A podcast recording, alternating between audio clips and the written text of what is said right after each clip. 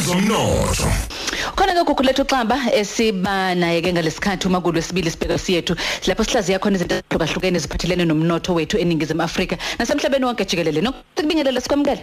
Ngicebo umlombo wabadiyi bohlelo nabaleli bokhozi ngiyabingelela.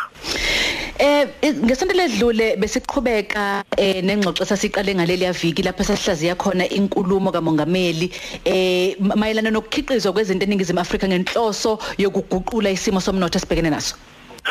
kunjalo nongcebo besibuka futhi soqhubeka khona lokho kulelo phuzu lekunami namhlanje. Besibuka lapho ukuthi iningizimu Afrika njengoba deshula umongameli u1.1 trillion wemali esiyithatha siyichithe ngaphandle. Imali enkulu kakhulu leyo nongcebo ngoba icishe be u22% we-GDP noma wempahla esiyithatha siletha zivela ngaphandle. Kuyimali umthamo omkhulu ngendlela emangalisayo ngoba uyabona ukuthi empeleni uma nje iningizimu Afrika ingake ithi ibhekane nakho lokho kade kusho umongameli kungaba noguquko olukhulu eh kwezomnotho ngoba nongcebo ubuka lapho ukuthi u30% njengoba njengamanje sikhula ngaphansi kwe-percent u30% uma singafocusa nje kulokho kuthiwa import substitute eh sikhiphe lokho kusuke kuthiwa ngaphandle sikwakhe sikhiqize ngaphakathi.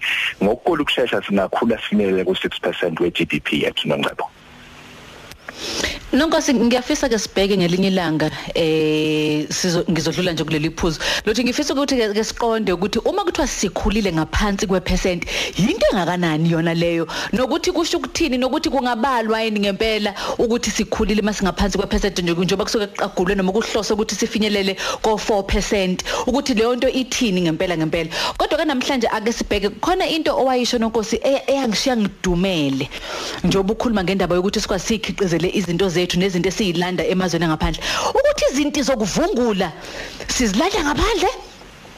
Lana into eyiningi kakhulu ngaphandle kusuka ngo1994 kuze kube manje siyehla kakhulu kulokho kuthiwa ukwazi ukuzikhicizela izinto zangaphakathi.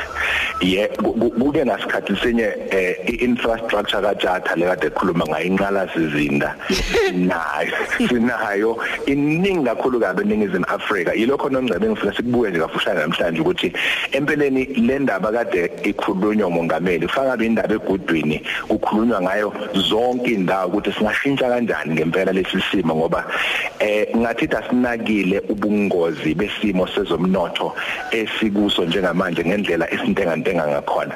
Kule nqala sizinto engitheke siyibuke namhlanje ngoba iyabona inkinga esinayo la eningizimu Afrika phakathi kwezinye ukuhlela kusuka kuqala unyaka kuze kuphela omunye kuphinde kuqala unyaka kuphela omunye. Sihlela nje ukuthi na nansi imqingo ezolokhu ikhishwa. Uzile umongameli ekhuluma ngemqingo eminye ethi khona eminye ezophinda ikhishwe ehambisana nokuthi kuzoguqulwa kanjani isimo sezomnotho. Mina ngithi nongcebo empeleni inqala zinto esinayo ikhona lapha kwaSithebe ayigcwele ngicabanga isebenza ngaphansi ka20% emandeni.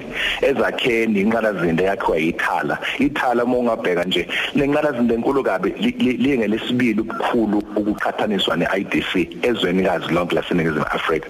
Ubheka inqalazinto seCockstad eseBronchospruit uKwindustria kunenqalazinto ezihlalele lapha yana akwenziwa lutho kuyona akuna mnyakazo othene Eastern Cape eButterworth egcuwa emthathi ivula indlela iMdantsane iFort Jackson iDimbaza iQueenstown ezibeleni iQueen Industrial zonke ingqalazinda lezi ungakayibali lezi ezintsha ehambisana nokuthiwa ama special economic zones nezinye ezakhiwayo sibhizi sakhe ingqalazinda sakha imqingo yama document kune national development plan provincial growth strategic plans district plans national growth plan industrial policy action plan agricultural policy action plan ama ama ama plans omasipala. Kuningi okwenzekalayo ukuhambisana neinhlelo lokhu kuhlelwe njalo eningizimu Afrika. Ofikayo yangena ungqongqosho omusha naye ushaya wakhe ama plan.